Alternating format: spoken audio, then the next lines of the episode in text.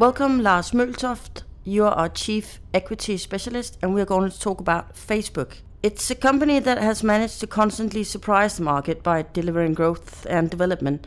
But what's your opinion of Facebook? Yeah, that's right. It's a uh, it's it's a great company, but actually they had a bit of a problem in when they IPO'd the stock began back in 2012 because the, at that time we were going from internet-based to mobile-based uh, advertising, and uh, some analyst was uh, worried about if Facebook was ready for this transformation. But afterwards, we can see when we are looking back now that we were totally wrong at that time.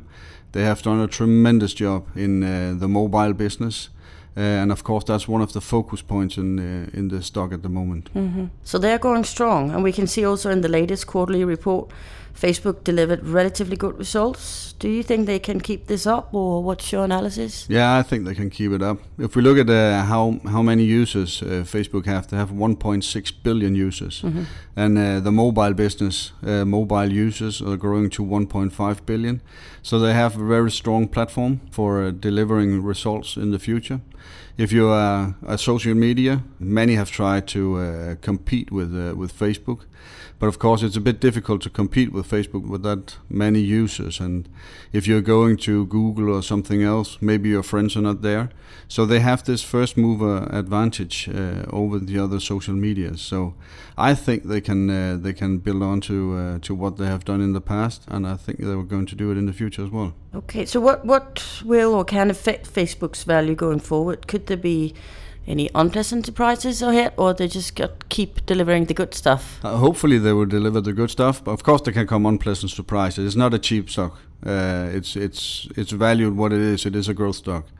Uh, so of course that, this would be an unpleasant surprise if they're not delivering on this. But they have this uh, huge platform uh, that uh, that they can deliver on, and the main point is also that, that Facebook they know everything about their users, contrary to many other uh, advertising companies like Google and Yahoo. Mm.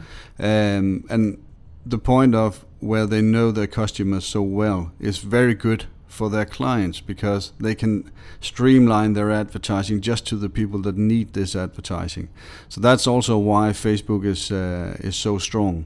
I think there are three main points in uh, in Facebook that you need to focus on, and that's the user base, the monthly average users.